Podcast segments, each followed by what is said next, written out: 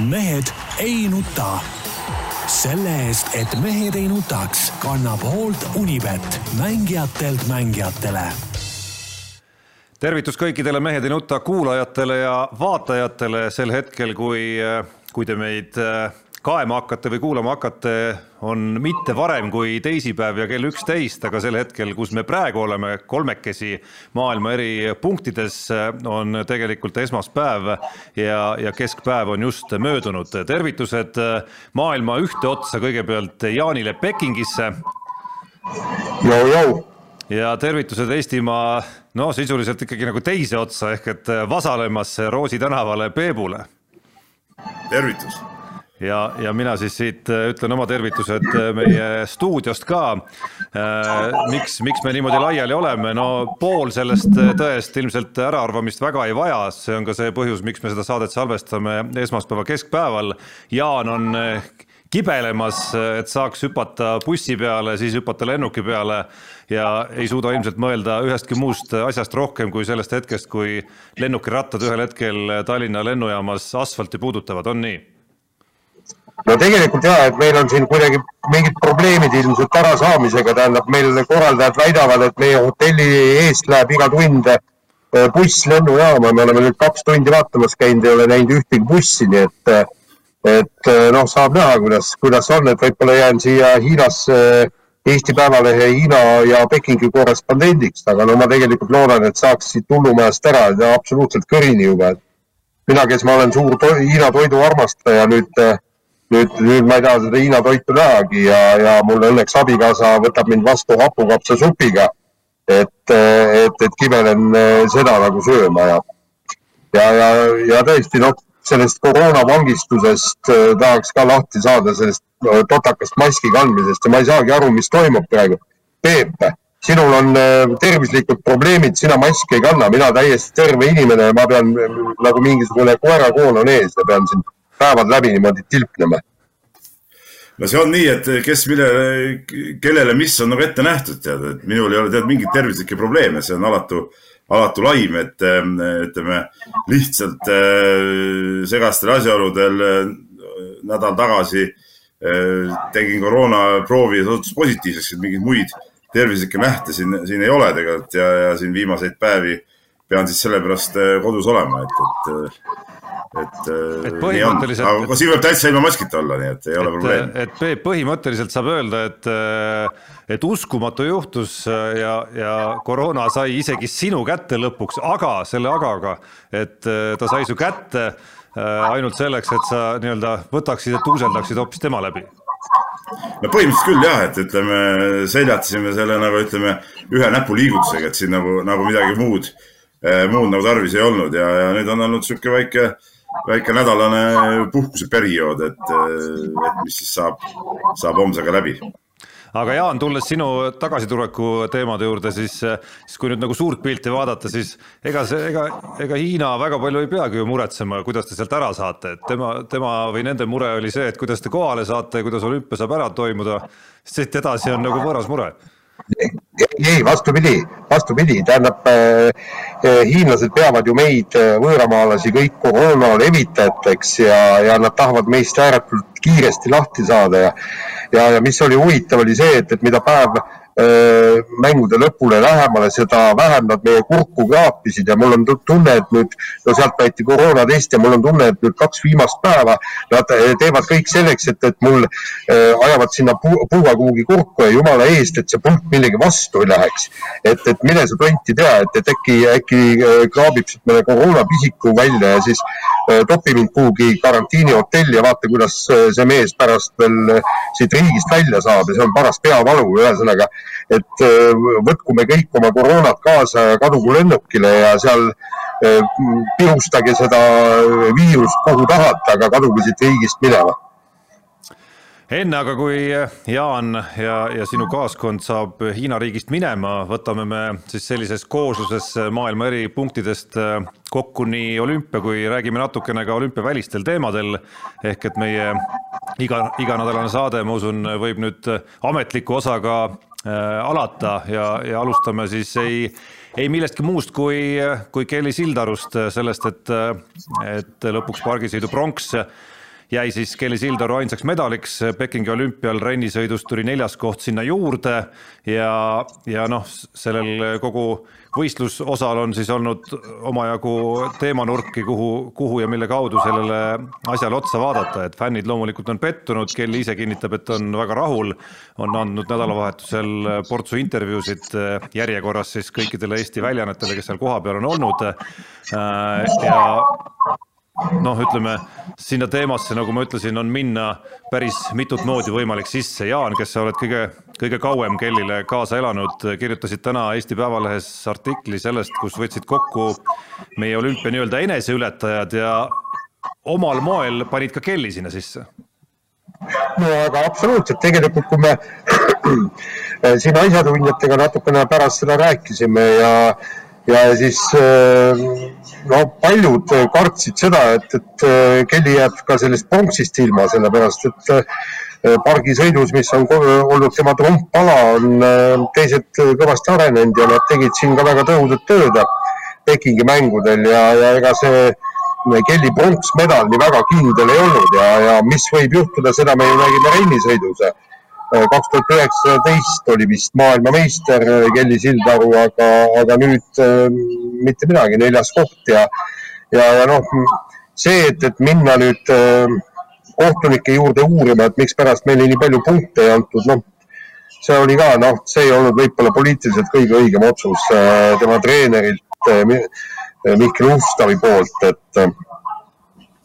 et, et paraku asjad niimoodi on, et, et maailm liigub suurte kiir, suurel kiirusel ja hulga kaupa Kelly Sildaru eest ära ja, ja nüüd on,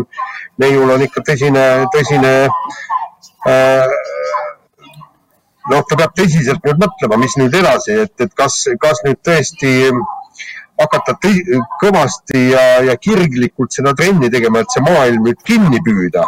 mitte, et, et nagu kunagi oli, et, et maailmalt veel eest, rohkem eest ära joosta, et eh, või siis, või siis eh, noh, nagu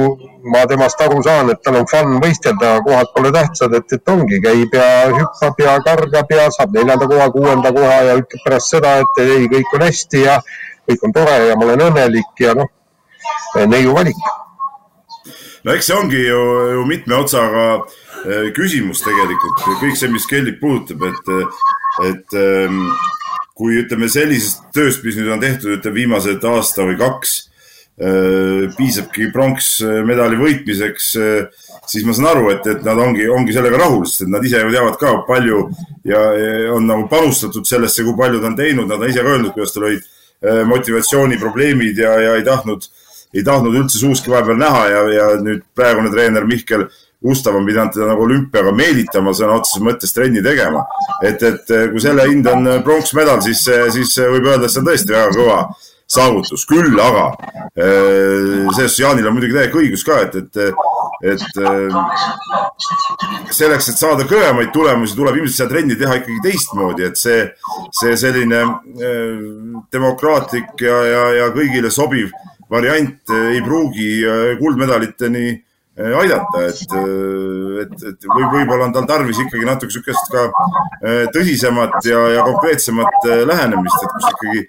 ikkagi treener ütleb, et nüüd tuleb nii teha ja, ja nii on, mitte, mitte niimoodi, et ah, vaatame, kuidas, kuidas umbes välja kukub. no ükskõik, kas see ütleja on treener või, või, või see tuleb nagu tema seest, et kokkuvõttes ei ole ju, ei ole isegi vahet, et selliseid koostöövorme on nagu erinevaid, aga minul, mul tuli neid, ma lugesin kõik intervjuud, kõik kolm intervjuud, pikka intervjuud läbi eile, mis siis nädalavahetusel ilmusid, et ega Kelly ju ei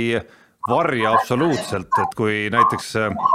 Kristiina Šmigun siin enne Kelly Sildaru võistlust Ringvaates andis vist intervjuu ja siis nagu ühest küljest rõõmustas, et Kelly oli selline nagu noh, et ütles, et ta läheb nagu nautima seda võistlust, siis eh, teisest küljest ütles ta ka juurde, et eh, ka tema omal ajal neid kõiki neid suuri koormusi ja,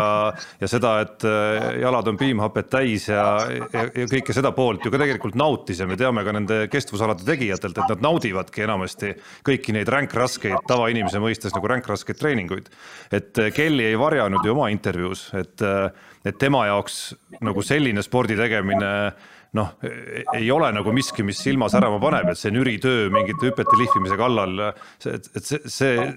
seda fun'i tema nagu ei taju, ei taju või ei naudi selle spordi juures. ehk et pigem, pigem tahab seda kergemalt teha ja, ja see on eelkõige siis tema otsuse koht. Kas ta leiab selle sisemise tahte minna kuskile Šveitsi treenerite juurde, äh, leida endale üksiktreener, kes siis nagu nii-öelda nõuab ja siis ta kuuletub sellele või ta pigem tahab siis tehagi sellisel viisil või siis üldse mitte teha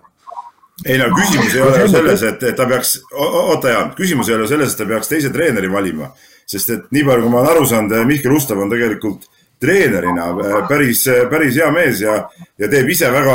väga südamega seda asja. Küll on küsimus just jah, Kelly enda selles äh, motivatsioonis, noh, et, et kas ta tahab ikkagi pingutada noh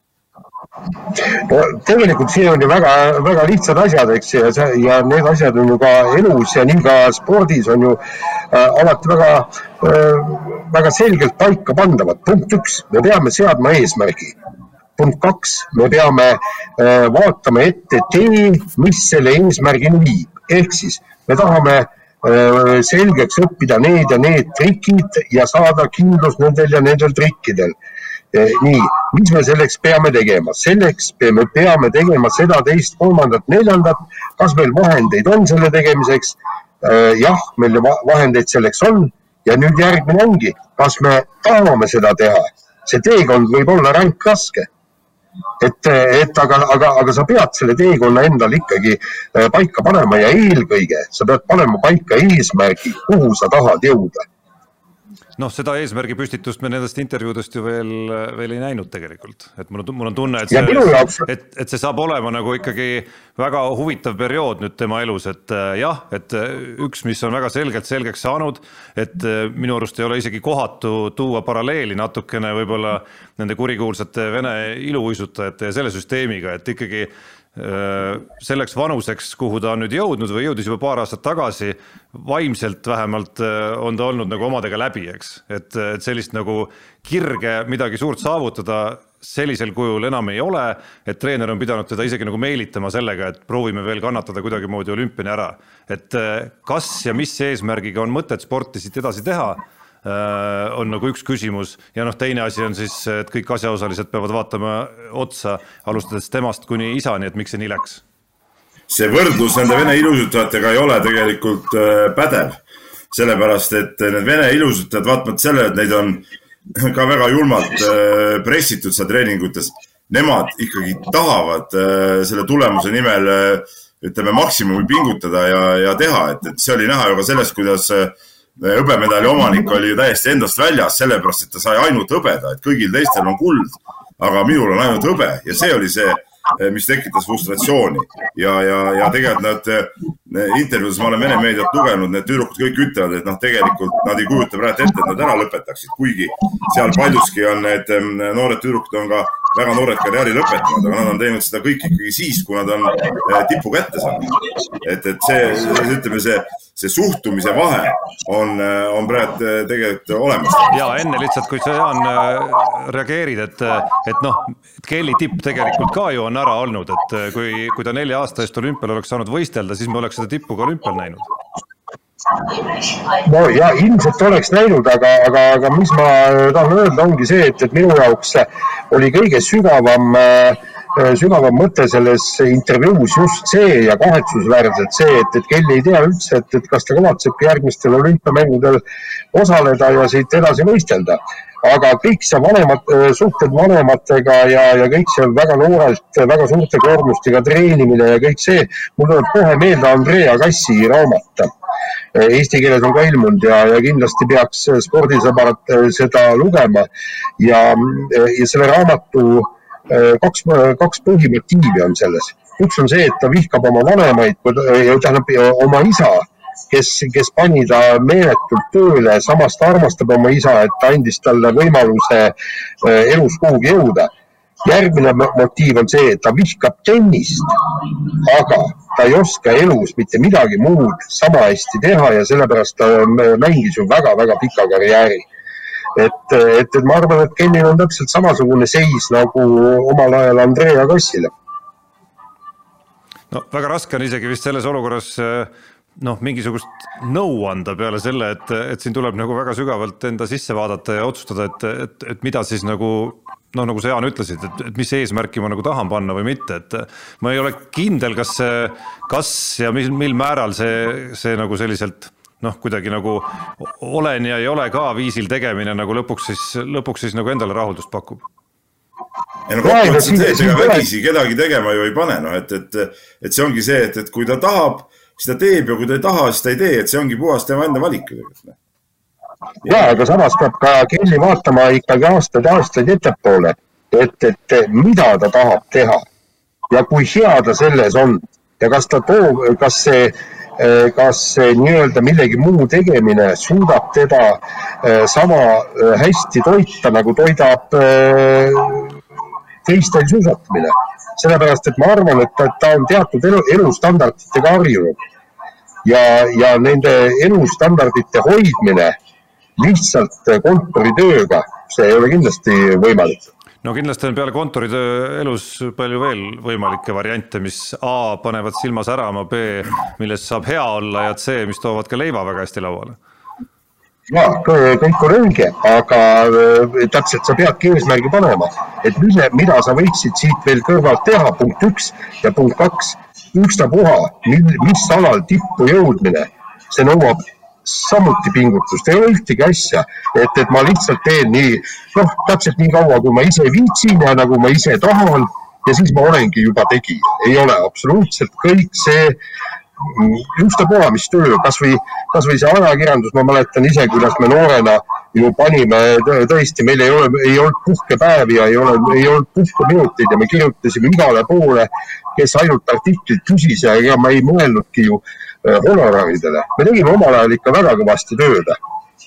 ja, ja, ja ükstapuha, mis elu ole. et noh, üks asi, mida, üks asi, mida tahaks tegelikult, et kõlama jääks minu arust sellest äh, olümpiast ja, ja nii-öelda kellile hinnangute andmisest on minu arust just seesama, mida, mida Jaan, sa selles tänases artiklis tegid ka. et äh, selles olukorras, kus äh, Kelly Sildaru enda sõnul oli, kus äh, see, et ta üldse jätkab oma tegemistega ja üldse suusatamisega, võtta see ükski medal välja, on tegelikult igal juhul ju nagu müts maha, kõva sõna, et, et selles ei ole ju üldse nagu küsimus, et siit edasi lihtsalt on see küsimus, et, et noh, tundub, et A võiks siin olla mingi nii-öelda restardi koht, kasvõi mingisuguse nagu pausi ja järelemõtlemise koht ja, ja võib-olla oleks võimalik siis ja äkki me näeme siis nagu ühte väga kõva pööret veel tema elus ja, ja sportlikus mõttes, kus ta siis leiab selle sisemise kire, et, et ma tahan teha ka nüüd nagu sellist kannatamise sporti ja, ja leiab selle, miks seda teha, leiab selle suure eesmärgi siit veel nagu edasi ja siis nagu ta ütles, et Äh, kuidas see lause oligi, et,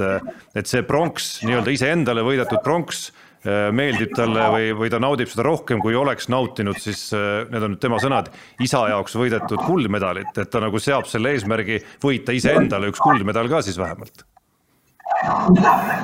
no oleks jumal. Aga me vahetame teemat ja, ja läheme järgmise olümpia meie suure nime juurde, see on kahtlemata Kristjan Ilves ja ma, ma vist ei liialda kuidagimoodi, kui ma ütlen, et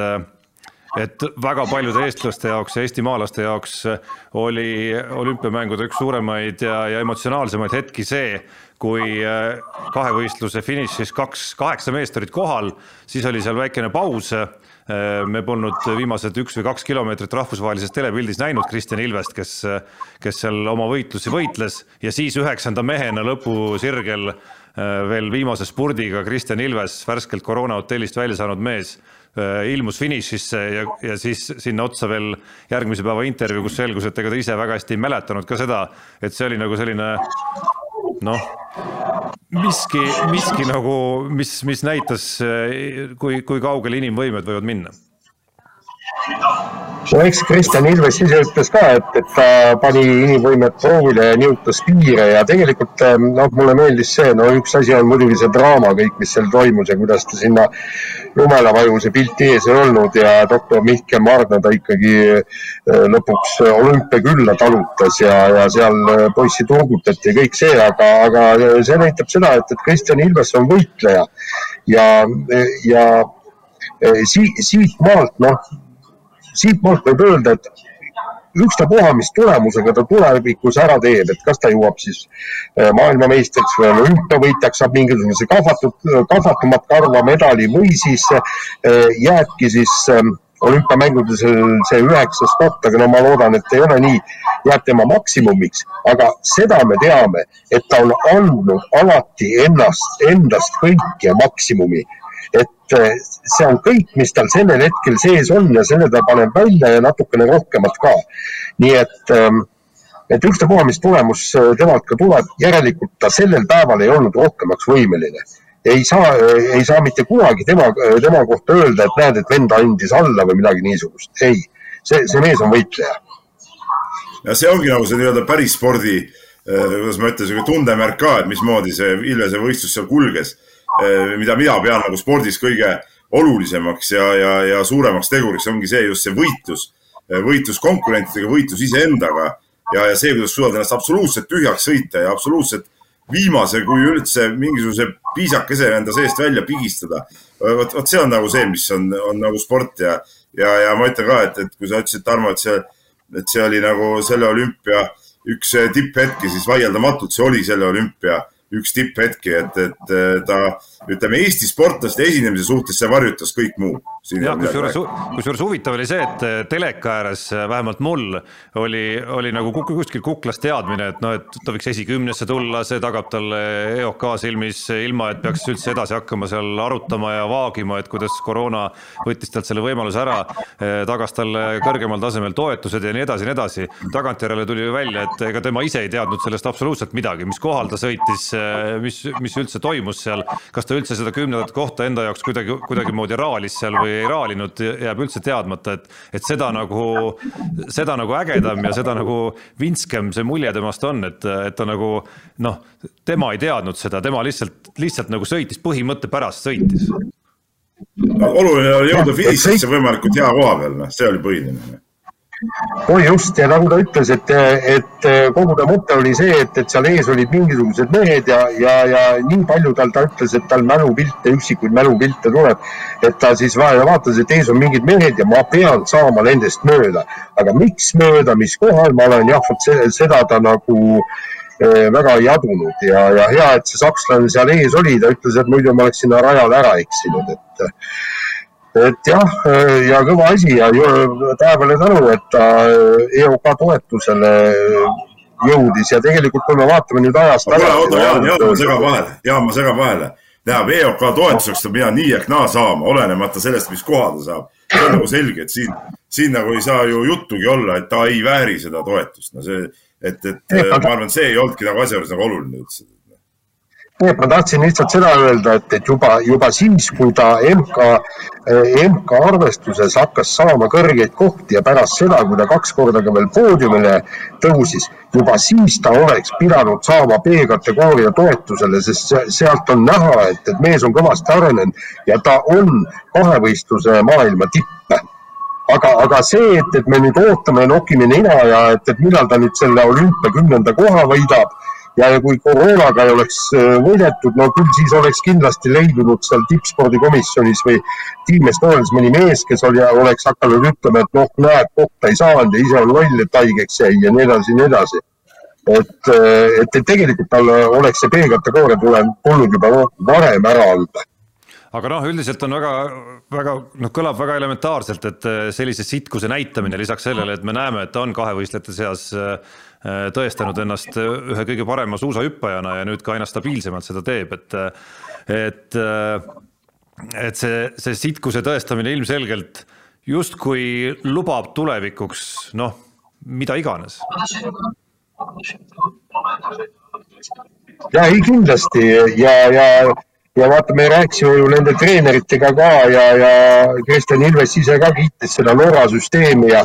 ja, ja jällegi vot si eh, siin oli, ma kirjutasin sellest artikli ka lõpuks, et, ähm, et, et kuidas ta nagu eh, selgitas kõike seda, et, äh, et, et mis on Eesti suusatamises puudujäägid ja, ja norralased ju selgitasid väga täpselt ära, et miks Kristjan Ilves praegu enam grupist läbi ei vaju, vaid suudab olla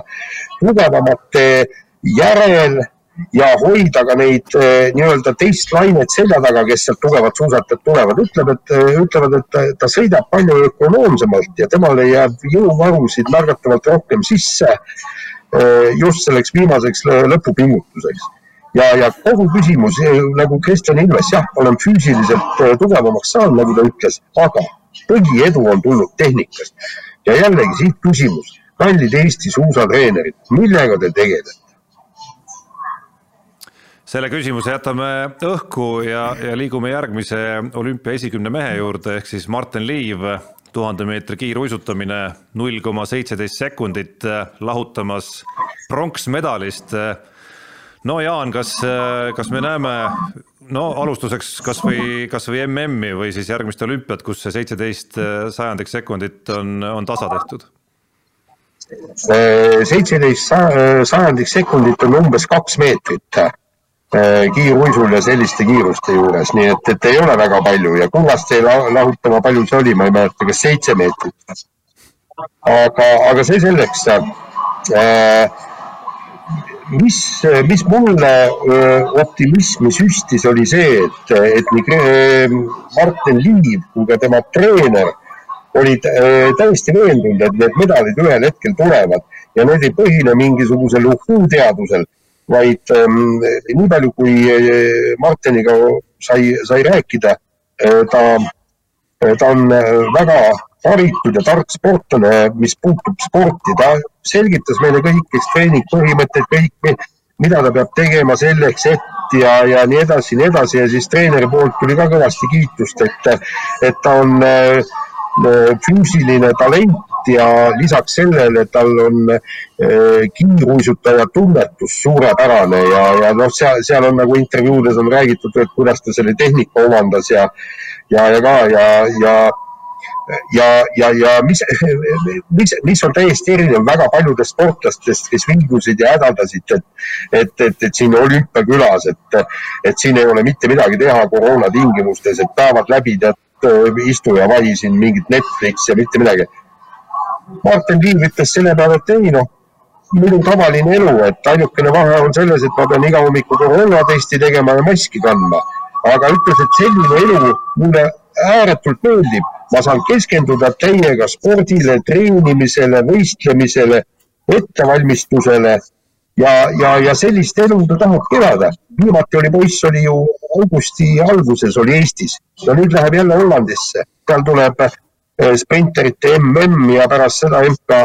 eh, MK finaaletapp ja pärast seda üks väike kommertsvõistlus ja alles siis saab koju, aga poiss ei tahagi koju minna sellepärast, et talle meeldib see kiiruisutamine, ta tahab treenida, ta tahab võistelda, ta tahab tööd teha ja Eestis eh, nii häid võimalusi ja tingimusi ei ole.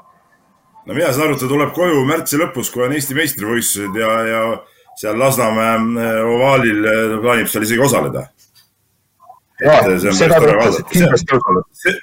ja, et see on tema puhul nagu väga-väga sümpaatne ja tore,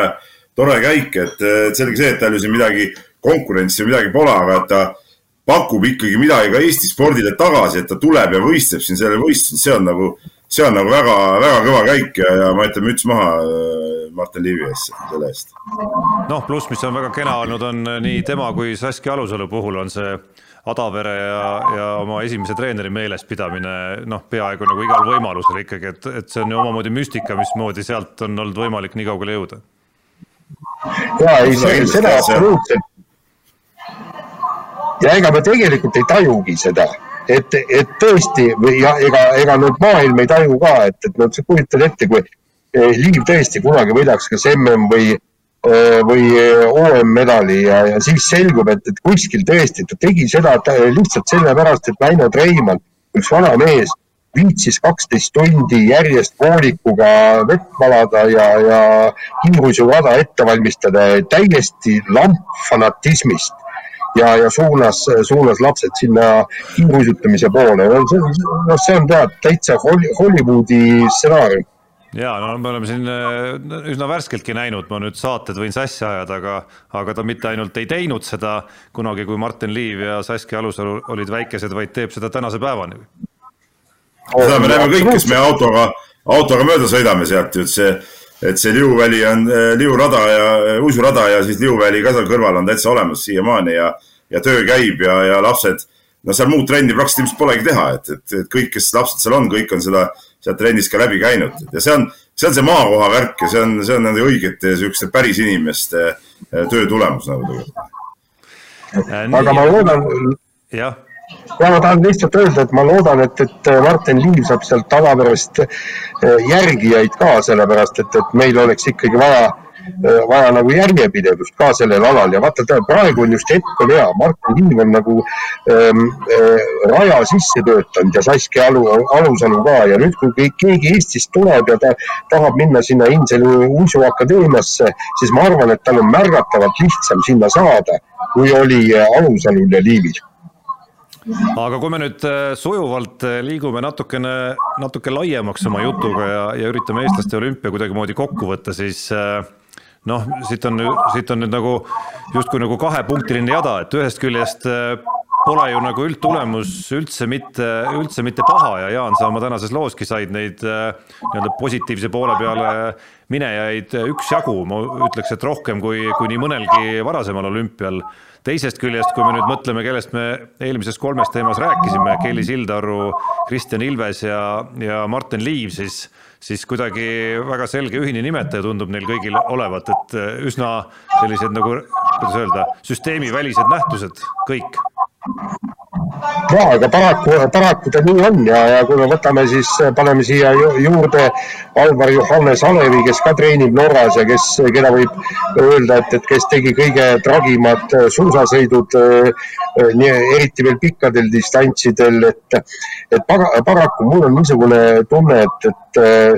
meie see Eesti spordisüsteem ei vea Äh,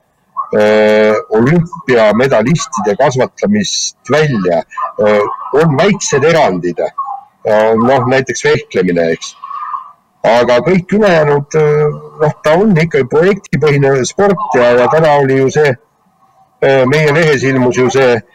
jutt sellest austerlasest, kes dopinguga vahele jäi, see oli pikem jutt, aga, aga ta ütles niimoodi, et, et Tallinna siin Otepää MK-etapil määrisid norralased tema suusad ja ta ütles, et ta elu sees ei ole nii kiirete ja nii heade suuskadega sõitnud. et, et, et see on, meil võivad olla üle maailma parimad määrdemehed, niikaua kui me neid kokku ei saa ja eestlastele suuski määrima ei hakka, nii kaua me ikkagi jääme alla. noh, treeningmetoodikates, tehnika õpetamistes, suusa määrimistest ja kõik, kõikides niisugustes ähm, detailides ja, ja selleks, et et meil sportlased ei teagi, milles on nende potentsiaal. Kristjan Ilves sai nüüd teada ju. ja, ja, ei, ja ei, kõik on õige, aga, aga see ongi Suusaliidu ülesanne. nüüd võtame näiteks meie murdmaa suusatamise. meil on välis, meil on sama, võtame treener, eks ole, Einaste, kes oli Šveitsi koondise peatreener on siiamaani, onju. kuule, toome ta nüüd koju tagasi. kas sa arvad, et tal ei ole nagu seda tipptasemel äh, teadmisi, kuidas, kuidas suusatada ja kuidas edasi viia. kui ta sihukese koha peal on, peab olema, eks ole. meil on need määrdemehed, nüüd peab äh, leidma nii palju raha, et sa tood nad koju ja panedki ja, ja korjad need meie kõik suusatajad kokku ja panedki nad nüüd koos tööle. Noh. väga lihtne, võtame veel Norrast võib-olla veel abilise sinna Einastele, kes, kes seda suusatehnikat paremini mõistab õpetada ja nii edasi ja, ja, ja see ongi Suusaliidu ülesanne ju. mitte meid laiali nagu pildida neid sportlasi üksikuid sinna-tänna kolmandasse kohta, vaid et see koondis saaks kokku ja, ja, ja meil on see, see, see baas on ju olemas, mille pealt seda kõike teha. Eh, Peep, sul on täiesti, eh, sul on absoluutselt õigus ja me saa, saaksime isegi suusatamises sellega hakkama. siis eh, siia peaks juurde tooma ka Tartu Ülikooli ja, ja, ja võib-olla Tallinna Ülikooli sporditeadurid kes aitaks meie suusatajaid, siis pluss meditsiinilise poole, pluss siis äh, toitlustuspoole ja kõik, kõik, kõik need, kui me suudame teha täpselt sama hästi, kui tehakse äh, Norras, siis loomulikult me areneme ja me astume suurte sammudega edasi. aga ma kardan, et see asi kõik on meeletult kallis, meil lihtsalt ei ole selle jaoks raha. ja okei okay,, Peep suusatamine on äh, veel hea näide, sellepärast et meil on neid suusatajaid, kellega tööd teha. kuigi mitte palju, aga neid on. aga kui me võtame need üksikala tegijad, näiteks Martin Liivi, ja, ja võib-olla siin, siin veel. ei no liiv on teine asi, meil ei ole tingimusi, meil ei ole liivi jaoks tingimusi, see on teine asi. sellest ma saan aru, et tema peabki välja minema, meil pole ühtki ju, ju seda sisehalligi, kus, kus trenni teha, eks ole. ega seal Lasnamäe seal õue, õueringi peal ju ei, ei trenni tipptasemel, see on, see on nagu loogiline. aga kui me võtame need alad, mis meil on olemas, kus meil on omad spordibaasid olemas, meil on Eh, teadmised olemas, meil on inimesed olemas, siis neid asju me saaksime teha ja peaksimegi tegema. sama asi on ka selle kahevõistlusega, et, et me saaks selle kahevõistluse ka ise siin ikkagi püsti panna. No. et, et meil, mis, see ongi tore, et meil on Kristjan Ilves teeb norralaste juures väga tipp-topp, tema seal areneb kõik. aga kus see, kus see järelkasv tuleb, kus need järgmised mehed on, pole neid olemas, sest et ei tehta midagi. Jaa jaa, aga me selle juba vaidlesime ära, et, et see ei ole Suusaliidu asi kasvatada järelkasvu, äh, sest et see on omavalitsuste asi ja, ja nii edasi ja teine asi on see, et. ei, me seda ära ei äh,, nagu me ei vaielda seda ära. siin me oleme küll väga eri meelt kõik, aga, aga noh, ütleme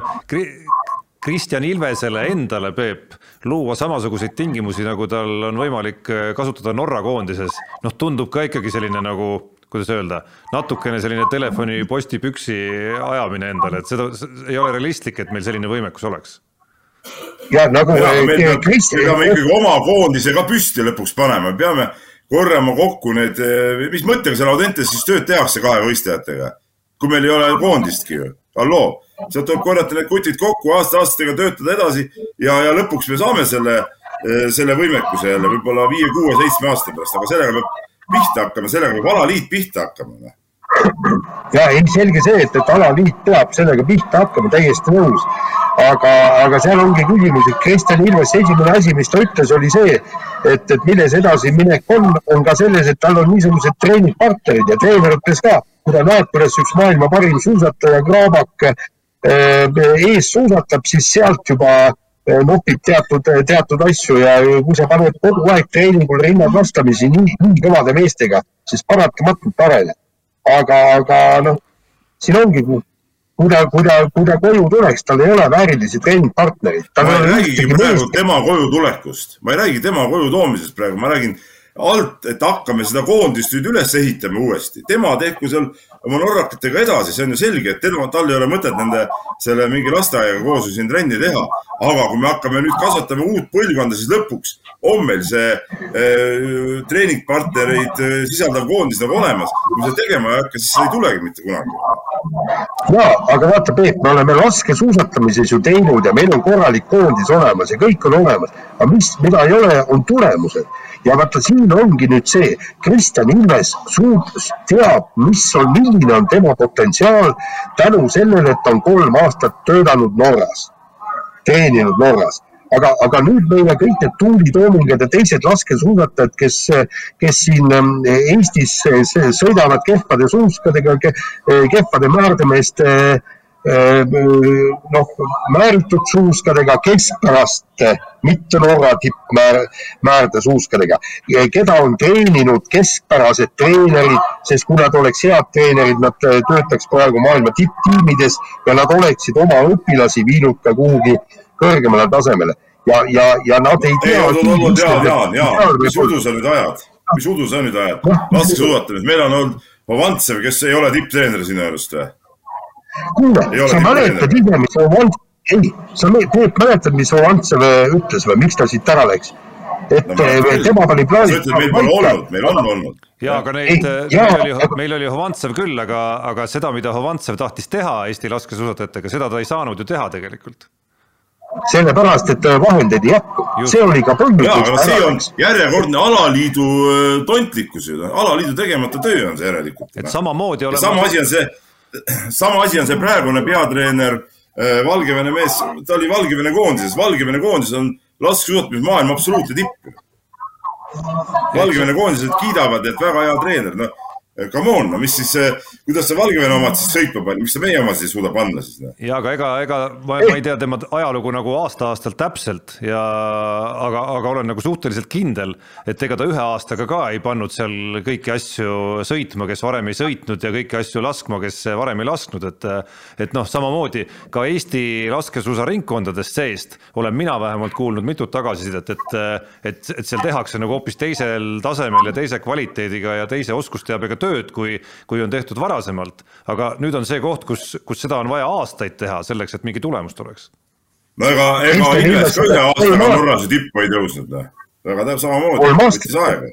jah, aga ja, aga, aga see, siis tuleb ka laskesuusatajatele luua täpselt samad tingimused, nagu on loodud Kristjan Ilvesele. väärtetiimid, suusalifi tiimid, varustus, treeninglaagrid täpselt nii palju, kui vaja on, teaduslik lähenemine treeningutele. õige, õige ja, aga võib-olla selle asemel, et siin MK-etappe korraldada, eks ole, mis on nagu ju ikkagi Eh, raha eh, välja viiv üritus, nii palju kui ei, ei, ei, toob sisse, ei, ei, need toovad sisse, sorry, eh, telelepingutega toovad sisse. Isegi see kahevõistlus okay,. No, siis, okei okay,, selge, no kui saab sisse, siis, siis selle pealt saabki hakata üles ehitama, tead, noh, jah, jah. Ja. Et, et noh, alaliit peab töötama sellega, et praegu ikkagi fookus peab olema sellele, et sellel koondisel oleks, on ta nüüd murdmaasuusatamine, on ta laskesuusatamine et sellel koondisel oleks kõik tagatud, noh. isegi üle selle nende praeguse taseme, praegune tase ei ole näitaja, et need tingimused peavad olema tagatud üle praeguse taseme. no aga kui ei ole alaliidul seda võimekust, mis me siis teeme? noh, aga siis meil ei olegi mõtet millestki rääkida. Ei no siis me räägime no, sedamoodi nagu nüüd pärast olümpiat, et, et see ongi meie tase ja kogu lugu. Jah, ja Peep, pane tähele, suusaliit ei ole suutnud siiamaani endal presidentigi valida, seepärast keegi ei taha sinna tulla. nii, aga räägime natukene ka olümpia nii-öelda nagu suurest mängust ehk siis sellest, mis, mis rahvusvahelises pildis jäi, jäi nagu näppude vahele. Ja noh, mis siin salata, kõige värskem emotsioon on muidugi suhteliselt meile lähedane. Olümpiamängude jäähoki finaal, kaks Eesti naabrit vastamisi ja Soome võtab jäähoki kulla. no Peep, miskipärast siiski äh, tänase saate eel jagasime me siin enne, kui Jaan eetrisse tuli, rohkem küll eilse El Clasico muljeid, mitte jäähoki finaali omasid äh,. saan aru, et oled pettunud ikkagi, et, et idanaaber ei võitnud ei, ma ei ole pettunud, tegelikult äh, ma mõtlesin selle peale, et ma olin selle, selle poolt, et Soome saaks selle esimese kulla kätte jäähokis, et see oli see oli vinge asi ja, ja Soomel oli äge võistkond ja, ja Jukka Jalonen on väga, väga äge treener, et ma olin, olin väga selle poolt, et nad võidaksid ja võitsid selle ära, et ma sain sain sealt pühapäeva varahommikust ikkagi ka päris, päris korraliku elamuse kätte, et, et see oli, see oli vinge ja ma arvan, see oli täitsa õigustatud äh,, kuidas ma ütlen, nagu välja teenitud võit, et Soome koondis oli selle turniiri kõige parem äh, meeskond, see oli, oli läbi turniiri näha, nad mängisid äh, head hokit ja ja nendel olid ikkagi paar, äh, ma ütlen rohkem kui paar äh, väga head mängijat, kes on ikka viit, veetnud äh, päris pikki-pikki aastaid oma karjäärist NHL-is ja, ja olnud, olnud tippmehed ja võitnud Stanley karikat nagu, nagu kapten äh, ja, ja, ja nii edasi, et, et, et see oli parim meeskond ja parim meeskond võitis, et siin pole midagi rääkida, see on nagu äge. mul oli väga huvitav äh, kohtumine oli poolfinaali ajal Äh, kujutage ette, Hiinas mitte ükski telekanal ei näidanud äh, poolfinaali Venemaa-Rootsi. täielik absurd. Ja siis, kui ma oma, äh, oma lood valmis sain ja siis, siis oli juba mängu lõpp, lisaaeg oli käes ja ja hotellitoas netti ei olnud, sealt ei saanud ju vaadata kuskilt ja tulin siis siia alla ja siis siin on mingisugune nett olemas ja, ja ka, kaks vene poissi, üks, üks neiu vaatas just parasjagu hakkas pullite viskamine ja küsisin, kas tohib vaadata ja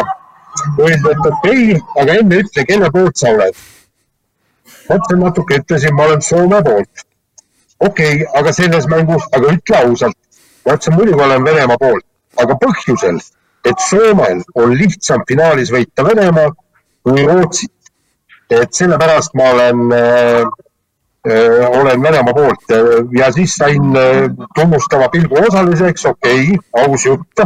ja, ja kõik siis vaatasime, pärast rääkisime ka, aga ma ütlesin, suusatamises olen Boltšunovi poolt, et, et, et väga-väga äge vend on ja ma ütlesin, ma olen temaga intervjuu teinud, aga nad teadsid Eestit väga hästi, ütlesid ja, ja ta treenib seal Otepääl, teadsid Sildarut ka ja nii et nii et, et vaatasime koos venelastega ja rõõmustasime ja, ja, ja. vaata, kus vingerdas alles, ah. ei noh, noor poliitik, noor poliitik, noh. ja järgmine aasta on valimised ja et sul on ruumi seal küll. Peep, vene keeles öeldakse otsi sõit meile tetsa. jah, aga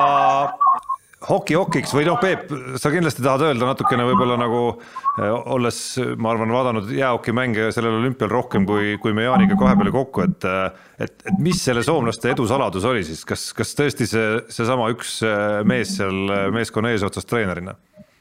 Ehm, Paljuski tema kindlasti, sest et eh, noh, ta on viinud ju meeskonna kaks korda maailmameistriks ka ja, ja, ja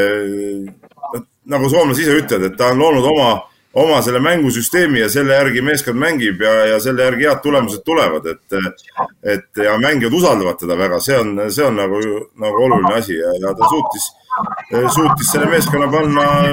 maksimumi pealt mängima. küll aga ma tahan öelda, et ma ei ole nõus Vene ajakirjanduses ilmunud äh, väidetega Venemaa koondise kohta, et Venemaa mängis äh, mingisugust väga halli okit ja, ja mängiti tulemuse peale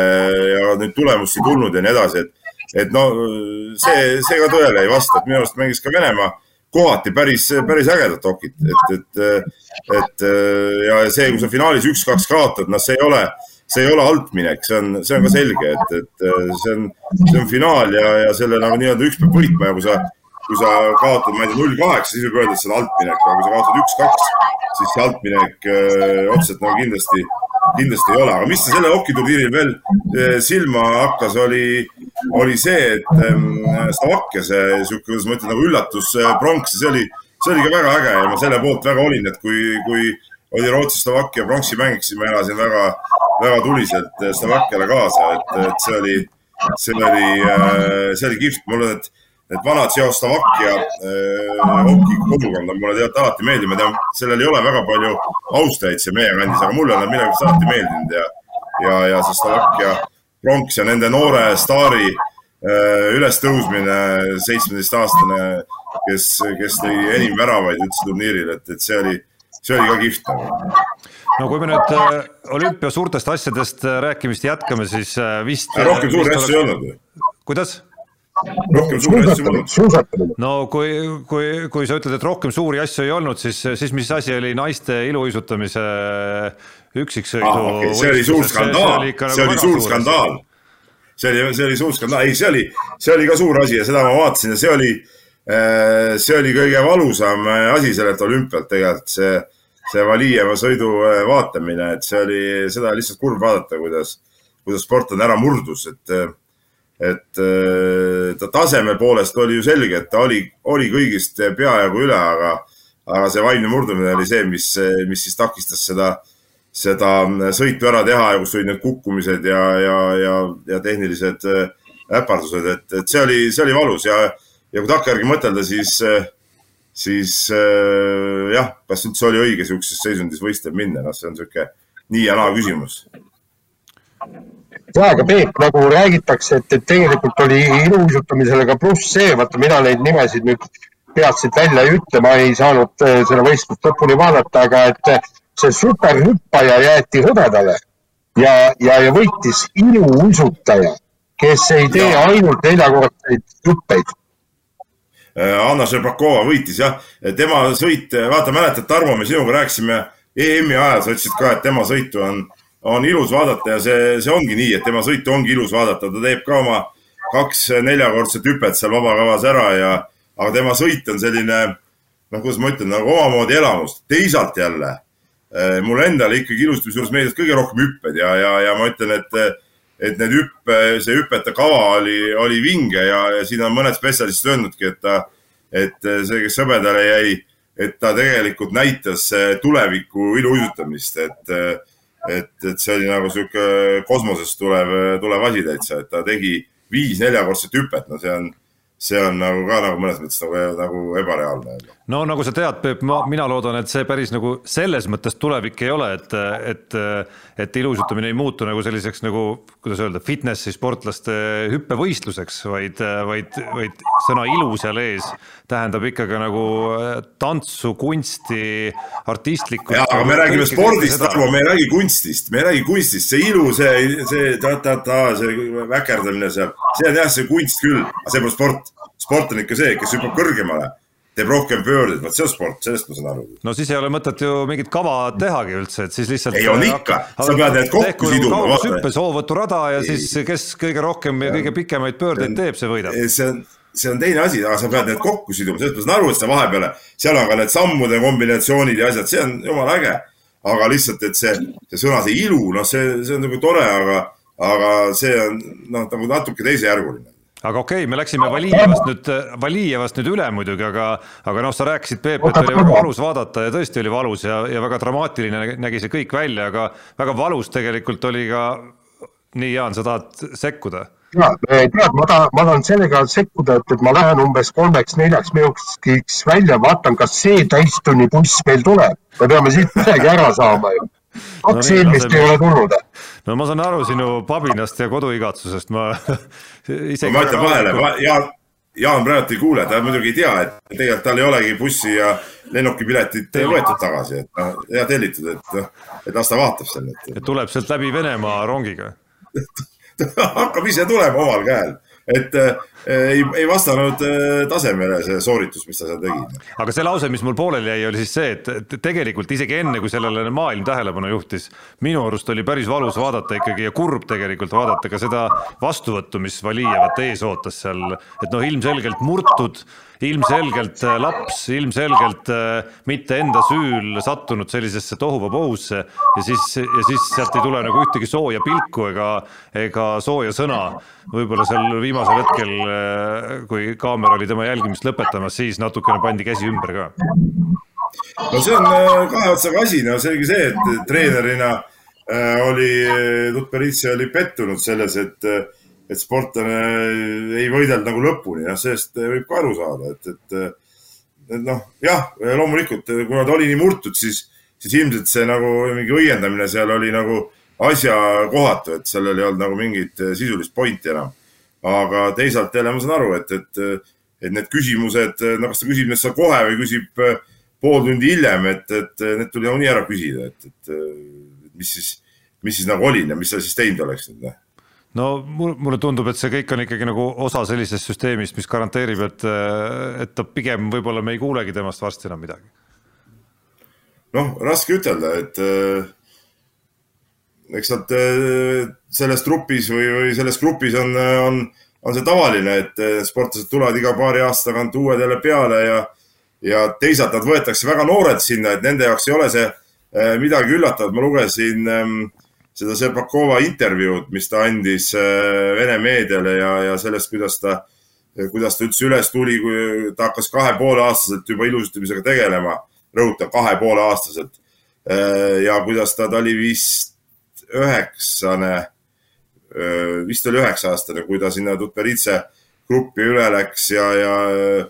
ja, ja noh, see ongi, see ongi see elu, ega siin midagi teha ei ole, ütleme sellel alal sa, sa teistmoodi ikkagi sinna tippu ei jõuagi, noh, seda, seda paraku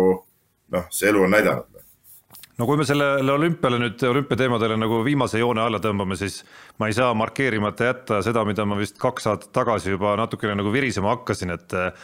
et kogu see viimaste taliolümpiate suund, pidada neid kuskil Aasia tühermaadel, antud juhul lisandusid seal veel, veel päris ekstreemsed ilmastikuolud, pluss Äh, üsna trööstitud vaated, äh, vähene publik ja nii edasi, et äh, ega see nagu taliolümpia mingisugune nagu edulugu kahtlemata ei ole. No ja mõnes mõttes küll, just see ilmaolud on sellised, aga mind see, see koht ei, ei seganud ajavööndi mõttes, ma ütlen, ideaalne vaatamisaeg hommikupoole väga, väga, väga tipp-topp, et ja noh, ma olen viimasel ajal olümpiate aeg rohkem küll ära olnud et äh, siit kodunt oli ka päris, päris hea, hea seda olümpiat jälgida, kuigi äh, ma pean ütlema, et ikka see, no sellist olümpiatunnet nagu seal kohapeal olles siin kodus ikkagi kätte ei saa, et see, see on hoopis natuke nagu teised, teine maailm ja, ja, ja seal olles ka tihtipeale olümpiatel olles tajud, et siit Eestist aetakse ikkagi ka täiesti segast juttu ja, ja küsitakse täitsa segaseid asju, et, et seal kohapeal tajud neid, neid võistluse võistlusmomente ja võistluspinget ja neid kõiki asju hoopis teistmoodi. no nii, Jaan, kas äh, oli õige buss või? ja tähendab, selle täistunni buss tuli, aga mis ei tähenda, et, et ülejärgmise täistunni buss, millal me peame hakkama lahkuma, veel tuleb, aga õnneks me, me teeme väikse varuga, et, et meil on aega veel. sa pidid kell kaksteist hakkama liikuma ju ei, ei, me hakkame varem liikuma, sest kell kaksteist on päramine aeg ja kui kella kaheteistkümnest bussi ei ole, vot siis me jääme küll siia Hiinasse, nii et me, me lähme lihtsalt varem lennujaama. nii, aga mis ma selle olümpiamängude kohta ütlesin, mul on homme, kirjutan sellest kommentaari ja ma tänan südamest äh, nii Pekingit, Hiina riiki kui ka Hiina kommunistlikku parteid, et nad suutsid selle olümpiamängu, need olümpiamängud läbi viia. kas te kujutate ette, kallid inimesed, et praegu me oleks Euroopas, kus on meeletu kuradi viiruse keskendumine, kus noh, et me suudame tekitada niisuguse mulli. kallid inimesed, vaadake seda, seda,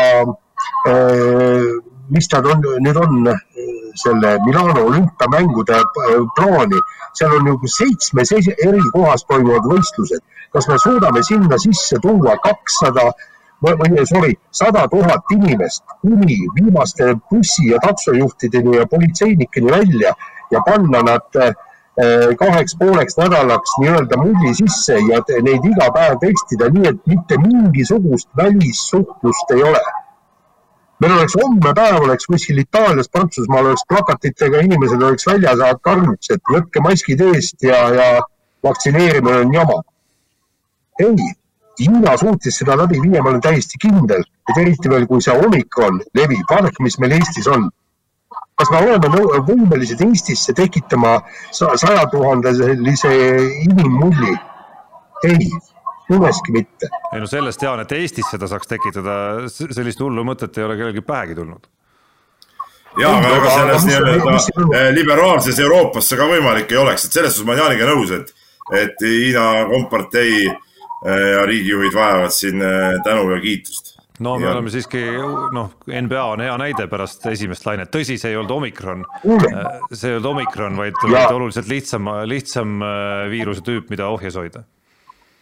No NBA on ikka tibatilluke võrreldes olümpiaga just, ei ole probleem tuhat inimest mulli sisse panna, kaks tuhat inimest ka, kergejõustiku MM-id ja niisugused asjad. aga me räägime sajast tuhandest inimest sada tuhat inimest mullis. nii, aga nüüd räägime me hetkest meie saatest, kus äh, laseme väikese kõlli. Ja ühtlasi läheme natukene ka olümpiaväliste teemade juurde, käime need kiirelt läbi, et jõuda sealt edasi ka ka Unibeti rubriigi ja kirjadeni. alustame loomulikult korvpallist. Eesti korvpallikoondist on ees ootamas kaks ülitähtsat MM-valikmängu, esimene neist siis reedel Saku Suurhallis Poola vastu. ootused loomulikult on kõrgel ja mitte ainult ootused, vaid, vaid nii-öelda nagu elevus ja ärevus ka, et need on need kaks mängu, mis väga vabalt võivad ära otsustada, kas Eestil on sellest alagrupist asja edasi pääseda ja jätkata siis järgmisel sügisel äh, nii-öelda nagu kõrgemal tasemel MM-i järgmist ringi. no Peep, kuidas sul nagu sisetunne, sisetunne ütleb, mul noh, no on ta alati ärev, kui tähtsateks mängudeks läheb Äh, ja kahjuks mul seekord jääb äh, saalis mäng nägemata, sest ma olen samal ajal Rootsis rallil. aga, aga äh, jah, ärevus selles suhtes on, on sees ilmselgelt, et, et koondis, esiteks alati koondis kokku tuleb, see on nagu sihuke, see on nagu väike pidupäev nagu ütleme korvpallihuvilistele ajakirjanikele ka. et ja seekord meil on, mulle tundub tegelikult koos äh, kõvem koondis, kui, kui oli novembrikuises aknas, et meil on ikkagi juures korvi all äh, Kotsar, mis on ikkagi väga-väga-väga kõva jõud, meil on juures äh, Jõesaar, mis on mänguliselt väga-väga kõva ja oluline jõud. no pluss veel see, et, et mitmed mehed on palju suurema mängu praktikaga, kui, kui nad olid novembris. jah, meil on jälle mõned puudujad siin, Jurkatam ja Trell aga võib-olla Jukata Madrell ei mänginud nii suurt rolli eh, novembrikuus, kui hakkavad praegu mängima just need Jõesaar ja, ja, ja Kotsar, et, et selles suhtes eh, see tunne iseenesest on hea, kuigi eh, Poolat ei saa loomulikult mingil juhul alahinnata ja Poola paneb ka ilmselgelt kokku tugevama satsi, kui oli, kui oli novembrikuus no mul oli võimalus äh, eelmise akna ajal kommenteerida ühte Poola mängu, Poola mängu Saksamaaga ja, ja siis natuke rohkem äh, lugeda Poola meedias kirjutatud viimaste, no ütleme, viima-, sellele eelnenud paari kuu jooksul, et mis mõtted seal kõik, kõik Poola koondise ümber on ja mismoodi seal koosseisu kokku pannakse ja mis on uue treeneri põhimõtted. ja noh, üks, mis kumas sealt väga selgelt läbi, ongi võib-olla sellise nagu minu vähemalt sisemise ärevuse üks põhilisi nagu põhjustajaid, et, et selline nagu metsik Äh, metsik agressiivsus, äh, mingi totaalne kaitse ja ma ei tea, mis väljendid seal kõik äh, kõlasid,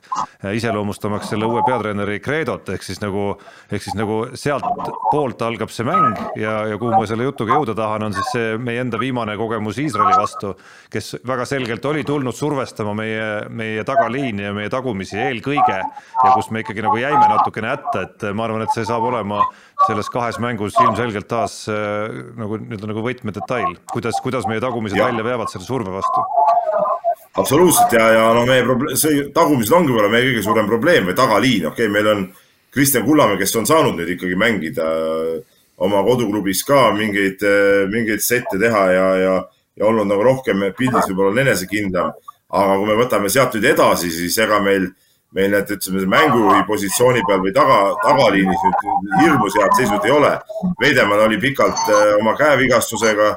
sisuliselt ju audis, no mängis siin kipsis käega, seda ei saa arvestada. ja, ja kui me sealt edasi võtame, siis juba need tavalised Eesti liiga äh, mehed, et me teame ju, Sten Sokk ei, ei tule. et, et meil just seal, selles osakonnas meil võib äh, tekkida kõige rohkem seda puudujääki. ja sellest Soku mittetulekust on päris kahju ausalt öeldes sellest on väga kahju, aga,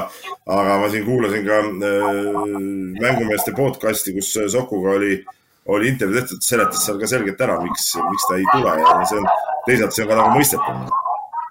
Aga jääme korvpalli juurde, vahetame teemat, BC Kalev Cramo, meie esiklubi läheb koondise pausile vastu ja, ja läheb vastu ikkagi päris nutuses seisus, et, et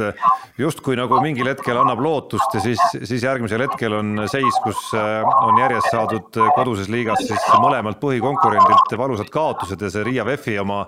noh, oli, oli nagu stsenaariumi mõttes veel nagu eriti karm, et äh, algus, kus kõik õnnestub ja siis ühel hetkel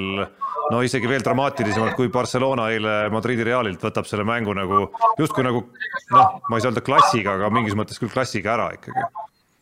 et, et. no vaata, sa nüüd tõid, sa nüüd tõid selle eilse õhtuse mängu nagu, nagu siia sisse, tead. selle mängu taustal on väga raske üldse rääkida mingitest muudest äh, mängudest ja mingist Kalev Cramost. no see on, see on nagu mingisugune, see on nagu mingi seitsmes liiga nagu selle kõrval, noh, tegelikult, noh. et, et,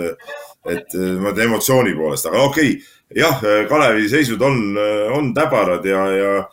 ja kuidagi on see peatreener Stelmachesi nii-öelda maagia ka nagu sealt kuidagi ära kadunud selle, selle võistkonna juurest eh, sel hooajal, et, et kui, kui ta siin eelmine aasta suutis nagu nii-öelda sellesamusest eh, saia teha ja, ja tõesti, tõesti nagu kuidagi selle meeskonna super hästi mängima panna mingitel hetkedel, siis praegu, noh, vaadates kogu seda koosseisu haljust, eh, seda mängupildi haljust ja, ja, ja, ja, ja neid mehi, kes seal on,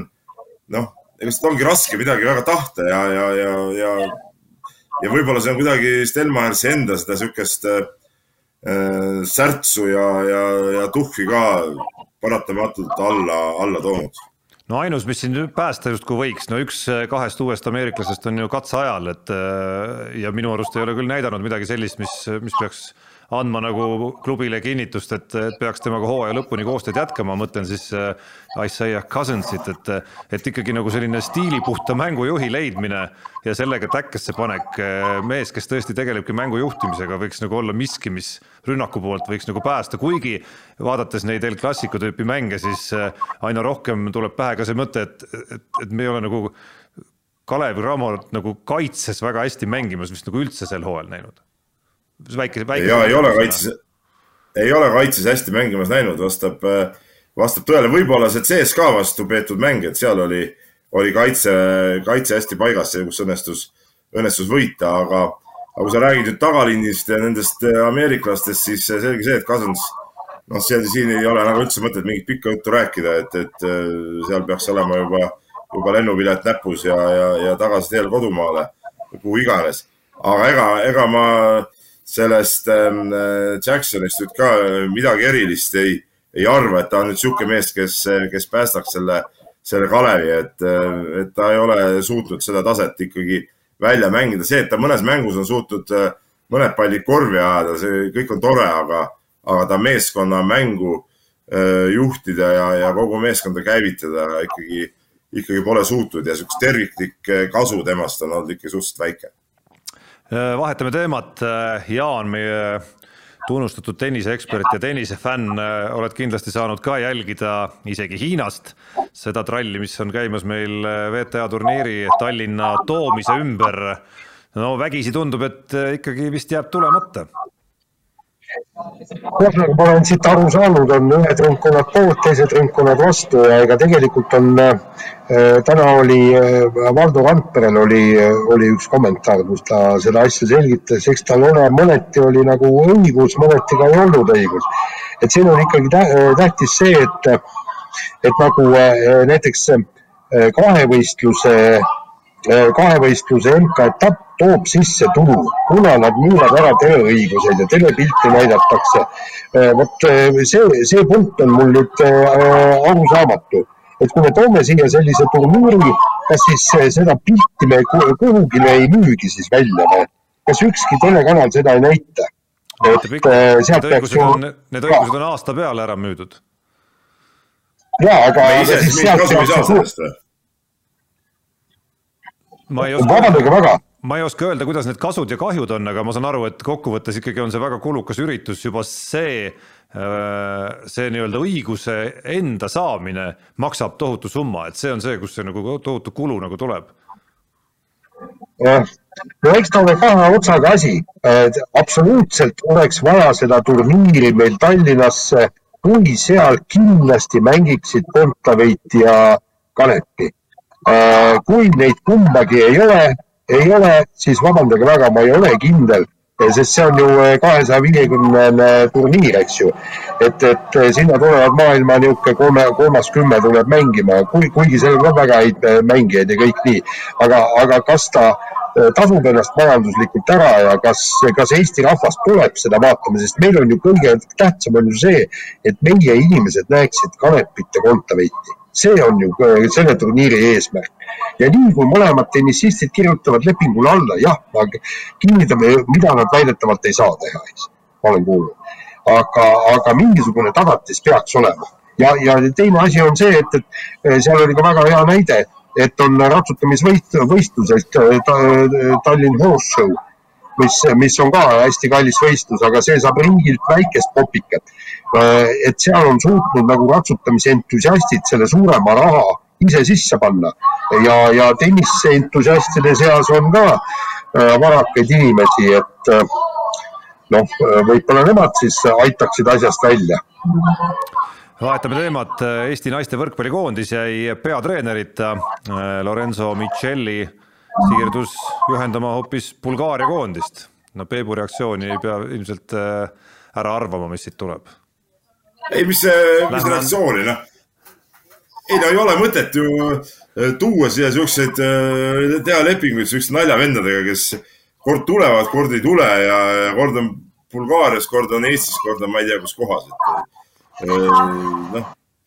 see ebakindel, noh, võtame omad mehed, noh, on olemas omad mehed. aga noh, ilmselgelt pidi tal olema lepingus selline hetk, kus, kus ta nagu oligi vaba mees, seal oli vist kaks pluss kaks äh, mingisugune leping, et, et ega niisama lihtsalt sa ei jaluta ju ära. no jaa, aga ma saan aru, et ta oli lubanud nagu, et ta jätkab ju noh. ma sain, mina sain niimoodi sellest asjast aru, et noh. aga si-, mina tahan siinkohal teada äh, meie Võrkpalliliidu presidendi Hanno Pevkuri ausat äh, ütlust kas nüüd praegusel hetkel ta tunnistab, et Andrei Ojametsa kõrvalelükkamine, Andrei Ojamets teatavasti viis meie naiskonna finaalturniirile EM-il. Äh, lükkame ta kõrvale ja võtame mingi, just, võtame suvalise sassi, kes siin jookseb kohe Bulgaariasse, kui see, talle natuke rohkem palka makstakse. kas või see on täiesti normaalne ja ikkagi Hanno Pevkur on käitunud täiesti õigesti ja nii on väga hästi kõik meil. ja, ja sa saad väga hästi aru, et Hanno Pevkurilt me ei saa kunagi seda eh, enesekriitikat, et oi, see oligi meil valesti tehtud. no aga ei, aga järelikult siis, järelikult siis see oli õigesti tehtud ja nii pidigi minema, mis me siis vingume siin no ma ootan, Peep, seda küsimust Hanno Pevkurile ja siis äh, huviga, huviga loen, sinu võimuses on korraldada seda, aga selle saatuse lõpetuseks äh, justkui nagu naljakam, aga kui, kui hakata mõtlema, siis ma ei teagi, kui naljakas, äh, naljakas väikene teemakõlks. Andrus Veerpalu poeg Anders viskab Tiktokis nalja, et näed, Suusaliidul ei ole raha mind küll võistlema saata, aga, aga dopinguproove võtta minult selleks jätkub raha küll. no Jaan, mis tunne sul tekib? ei no mul tekib see tunne, et, et ikka noh, tüüpiliselt, et võib-olla see on nagu perekonna viga, kui inimene ei saa aru, et mille pärast temalt neid proove võetakse, et, et kui me vaatame seda ajalugu ja ja, ja, ja, ja teine asi on see, et, et kas on põhjust äh, Eesti Suusaliidul maksta raha ja saata teda võistlustele, see on, see on nüüd teine küsimus, et, et noh, kuivõrd need tulemused on, ma ei mäleta, et ta nüüd Eesti meistrivõistlustel oleks Eh, tulnud esimeseks või teiseks, et, et teda olümpiale lähetada, et jah, nii ta on. ja ei, mulle tundub ka, et, et inimene ei saa lihtsalt aru, et miks, miks, eh, miks just tema võib-olla on kõrgendatud tähelepanu all, et, et ma saan aru, et eh, ta ei ole võib-olla nagu ise milleski süüdi, aga paraku ta peab arvestama sellega, mis, mis tema ümbruses on toimunud ja, ja, ja nii lihtsalt ongi noh ja no see minu arust see täiesti, täiesti kohatu videoklipp ja isegi sellest rääkimine on minu arust täiesti kohatu. no see sõna, mis sa ütlesid, oligi see, mida ma oleks tahtnud siia lõppu öelda, et et noh, kriitikaks, kui, kui see on asja eest Suusaliidule noh, miks mitte ei või seda teha, on ju, aga, aga see oli päris kohatu ja jättis väga kummalise mulje, et ta just nagu sellise paralleeli ehk et selle dopinguproovide võtmise paralleeli kõike seda tausta ja, ja Veerpalude ajalugu teades otsustas nagu võtta, et et noh, niigi ei ole kindlasti eriti lihtne Veerpalu nime all ja, ja, ja sealt kuidagimoodi nagu murda läbi ja tulla ja, ja saada kõvaks suusatajaks, et kui ta veel nagu sellest aru ei saa, et, et see oli nüüd küll väga paha, paha näide ja paralleel, et, et siis, siis see teda, see tema elu kindlasti lihtsamaks äh, ei tee nii, laseme kõlli. Unibetis saab tasuta vaadata aastas enam kui viiekümne tuhande mängu otseülekannet. seda isegi mobiilis ja tahvelarvutis. Unibet, mängijatelt mängijatele nii, Peep, kas äh, jäähoki on täitnud sinu kaukaid? Äh, kui nüüd päris ausalt, see huvitav, ma ütlesin, mul polnud ühtki nagu sümptomit selle haigusega seoses. küll aga oli, oli selline asi, et üks sümptom ikkagi oli, tähendab noh. see oli totaalne viitsimatus midagigi teha. ma tunnistan ausalt, ma ei teinud ühtegi panust, et noh, sihuke, see olek oli selline, et oma suviga võistlusi, aga, aga midagi muud teha nagu ei viitsinud. Noh. halloo seda on ka täitsa tore jälgida muidugi nii. Jaan, sa olid eetris, ma tuletan meelde sulle. ja, ja sihuke nupp. kuule, aga ma peangi ütlema, et, et ma pean nüüd eetrist lahkuma, mul on siin äh, hakkavad, mul on check, check out'id ja värgid ja särgid pihta, et, et see on äh, veninud, eks ma arvestasin, et, et me null, null, null viis lõpetame, aga praegu on juba meie aja järgi kaheksateist kakskümmend, et, et ma pean kahjuks seekord lahkuma, aga järgmine kord ma olen stuudios ja siis, siis ma enam ära ei jookse no loodame ka, et sa oled stuudios ja sellise, selline kellaajaline lootus oli muidugi väga sinisilmne sinusuguse kogenud, kogenud mehe kohta, aga, aga head koduteed sulle, Jaan, elame kaasa ja, ja jälgime ja, ja ja hoiame pöidlaid täpselt samamoodi, nagu siin Soome praegu jälgib oma hokikoondise koju tulekut. kuule, aga näeme. Ja näeme, võtame Peep siis kokku selle saate siin kahekesi. ma ei mäleta, mis see summa sul oli meie, meie konto peal seal. Äh, mul oli, äh, mul praegu ei ole lahti ka, aga mul oli kolmsada kuus äkki või. ahah, no siis äh, me oleme kas viigis või on siin euro siia-sinna, et et ma eelmisel nädalal kaks panust siiski panin, üks neist oli väga sümboolne, üks euro sellele, et Martin Liiv võidab medali, koefitsient oli kakskümmend kahjuks seitseteist sajandikst sekundit jäi puudu, aga teine oli siis sellest samast Kalev Cramo ja Riia VEF-i mängust ja seda siis sellel hetkel, hetkel, kus Kalev Cramo alustuseks ei visanud ühtegi kolmest mööda vist oli seal ees üle kümne punkti ja Riia VEF-i koefitsient oli kusagil äh, viis koma midagi juba. et see aitas mu nagu plusspoolele siis tagasi. uue nädala eripanus, Mehed ei nuta eripanus puudutab aga autorallit, Rootsi rallit, kuhu loodetavasti õnnestub sul, Peep, ka kohale jõuda. Äh, ehk siis äh, Ott Tänaku võidukoefitsient seal mehed ei nuta eripanusena on viis koma null, mis ühtlasi on hea võimalus korraks vaadata sellele rallile võib-olla otsa ja, ja võimalus sul nüüd näidata, kas oled kõvem ekspert kui kihlveokontorid, kes on pannud siis Elfin Evansi napilt selle ralli soosikuks number üks koefitsiendiga kolm koma viis, siis tuleb Kalle Rovanpera nelja koma nulli peal, siis äh, Ott Tänak ja siis Terrine Vill seal hästi tihedalt järgnemas no kindlasti ma ei ole seda meelt, et Evans on suurem soosik kui Rovampera. et, et äh, võrdsed masinad, äh, aga Rovampera ikkagi lumel sündinud, võib niimoodi ütelda, et jah, Evans on väga kiire, äh, ka lumel olnud, aga, aga ma arvan, et Rovampera on, on seal üle ja, ja tegelikult ma ikkagi oma hinges ma usun küll, et Tänak nendes tingimustes sekkub suurde mängu, et isegi kui see auto ei ole kõige parem siis ta ikkagi on võimeline suurde mängu sekkuma ja, ja see on, see on nagu sihuke ralli, kus tal võiks olla kõige paremad võimalused selleks isegi. nagu see auto on ju lihtsalt nagu nii palju kehvem. me ei tea, kas sa tead, kui palju ta lumel kehvem on? ei tea. Kust sa võtad aga, seda? aga noh, üldiselt no. on ta ilmselgelt ikkagi see esimene vaade oli ikka päris, päris nutune. no aga milline esimene vaade? Monte Carlo ralli ei anna selle taliralli äh, suhtes küll mitte mingisugust äh, vaadet et, et seda ei maksa nüüd küll äh, nagu tõsiselt võtta praegu, et, et see on hoopis teine ralli, teised tingimused, teistsugune auto, et, et teistsugused seadistused.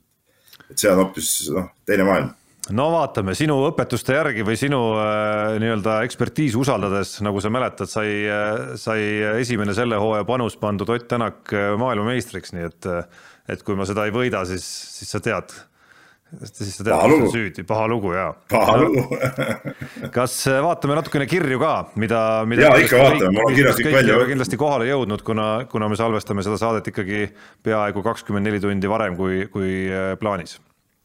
Ja, aga meie mõned äh, alalised kirjasaated on oma kirjad ilusti teele pannud juba, teadlane Priidik, alustame siis temast kohe,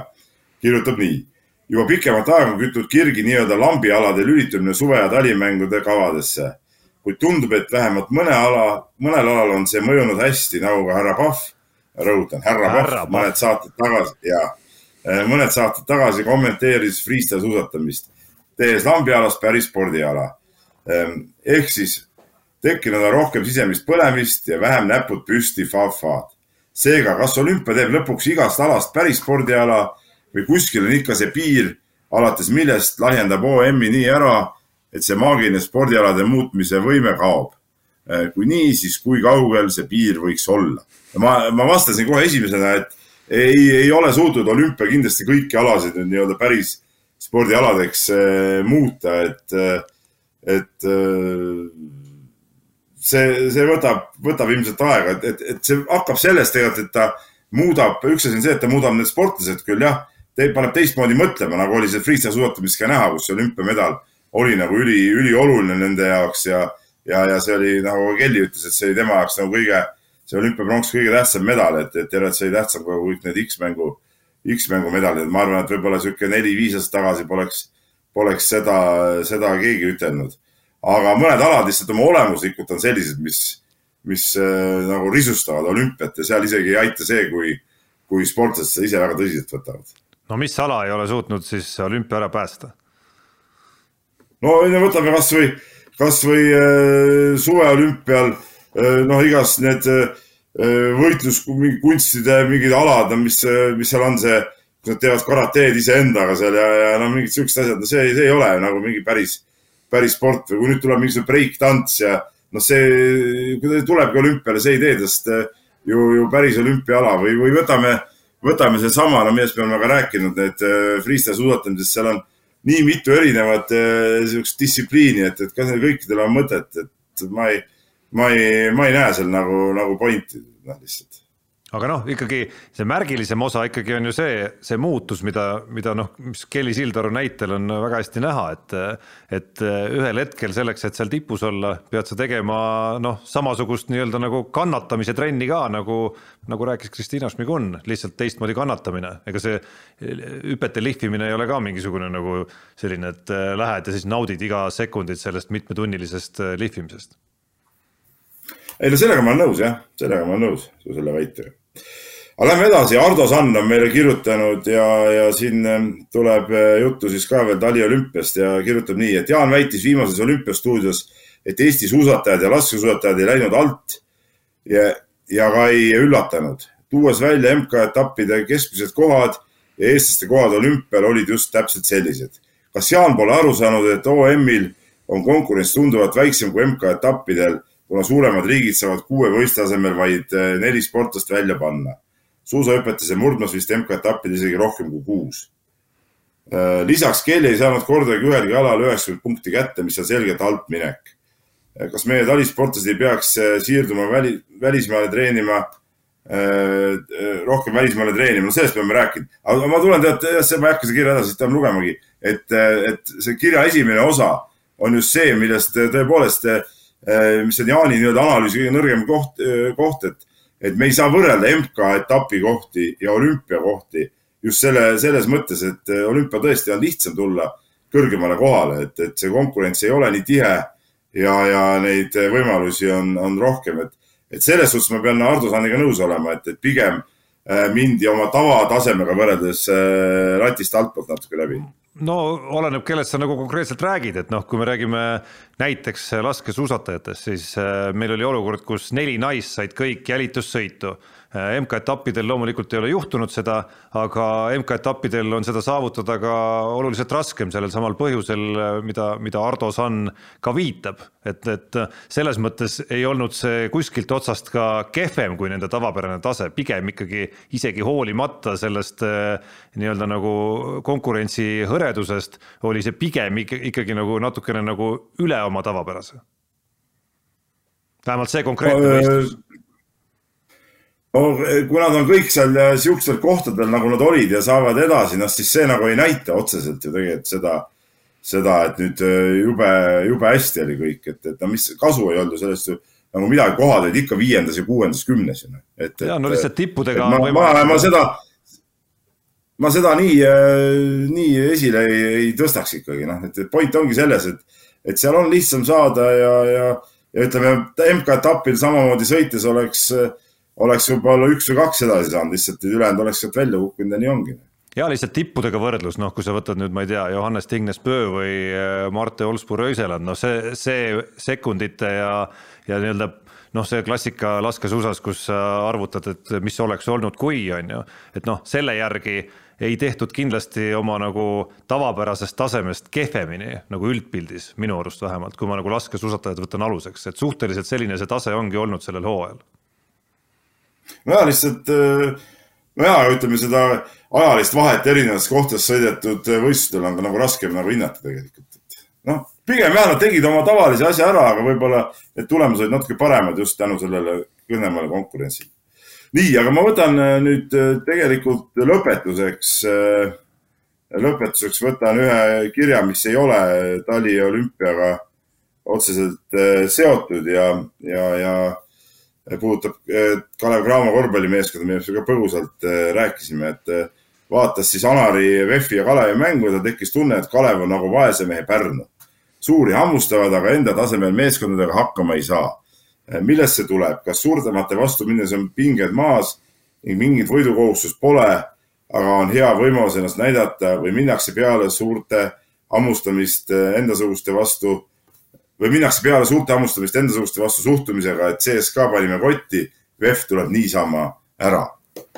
no, no ma ei tahaks, ma ei tahaks küll uskuda, et keegi enne Riia VEF-iga mängimist äh, mõtles, et, äh, et see kuidagimoodi nagu niisama ära tuleb, et, äh, et need on ikkagi need mängud, kus kus ma arvan, löövad välja selgemini Kalev Cramo puudused lihtsalt, sest Riia VEF valmistub nende puuduste jaoks oluliselt täpsemini ja detailsemalt, kui võib-olla Moskva CSKA-l näiteks on, on mahti teha ja eriti kui CSKA tuleb veel sellise noh, raske hetke pealt võib-olla siia, siis, siis me näeme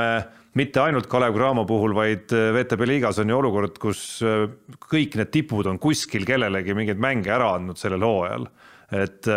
minu arust ei ole ühtegi erandit, seniidid, Unixid, CSKA-d, kõik et noh, need, need võimalused paratamatult tekivad, nii nagu Real on vist kaotanud koduliigas kolm, kolm mängu kodus järjest lausa.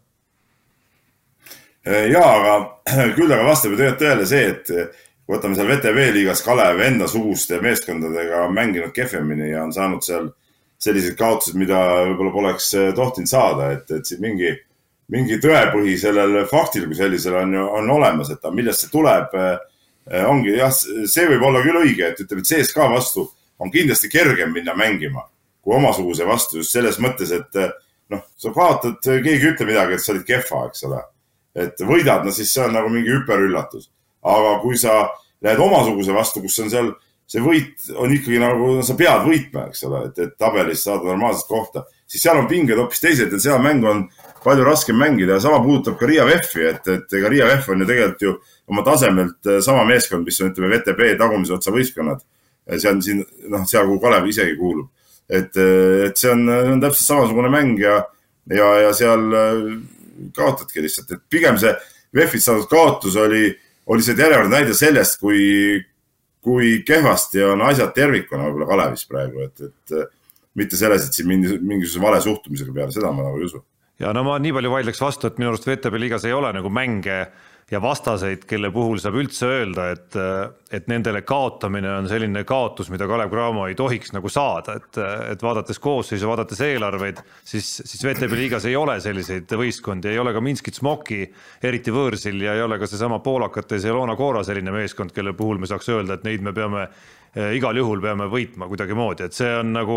ühest küljest jah, kui me neid ei võida, siis, siis ei ole ka lootust, mingisugust lootust play-off'i pääseda. aga, aga teisest küljest ei saa me ka nagu öelda, et me peaksimegi neist äh, igal juhul üle käima vaata, ma ei ole sinuga selles suhtes nõus, eh, sa, sa nagu tood selle asja natuke valesti välja, et jah, me ei saagi ütelda, et me peaks neist igal juhul üle olema. Pärnule ei tohiks kaotada.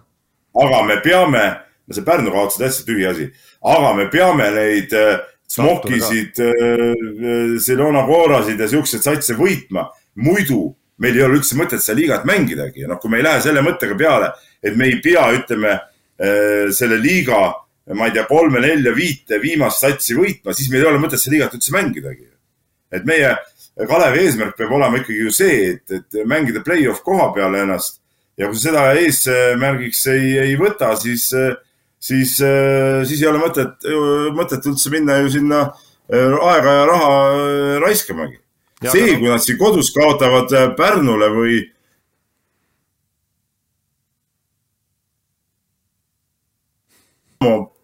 põhihooaja eesmärk on ikkagi VTB, nemad peavad, nad peavad seal maksimumi tegema. see, mis koha nad saavad siin Eesti-Läti liiga põhiturniiridel, see on täitsa ükspuha, täiesti ükspuha